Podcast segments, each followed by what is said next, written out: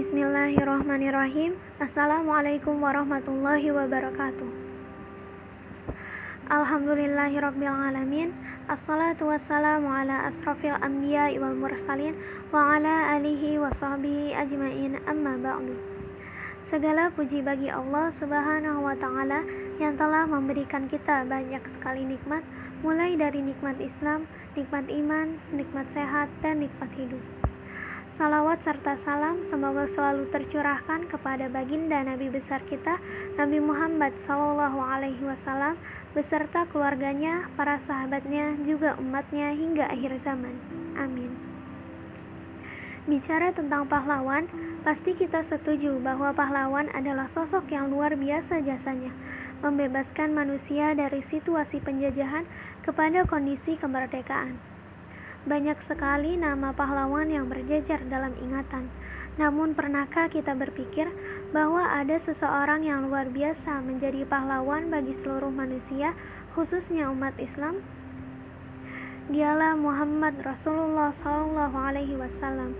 Keistimewaan yang dimiliki terlihat sejak lahir. Langit Mekah bercahaya, padahal saat itu sedang terjadi penyerbuan Ka'bah oleh pasukan bergajah yang dipimpin oleh Raja Abraha. Masa kecilnya pun membawa berkah. Hal itu terlihat dari subur dan makmurnya sang ibu susu Rasulullah Shallallahu Alaihi Wasallam, Halimah As-Sa'diyah. Hewan peliharaan milik Halimah bisa tumbuh besar dan menghasilkan susu yang berlimpah.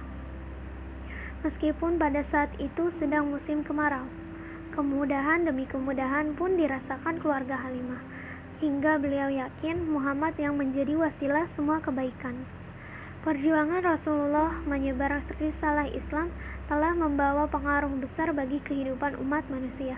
Kebodohan manusia yang kala itu terjebak dalam penggambaran kepada dunia dan kenikmatannya berhasil dihilangkan oleh Islam sebagai pembebas.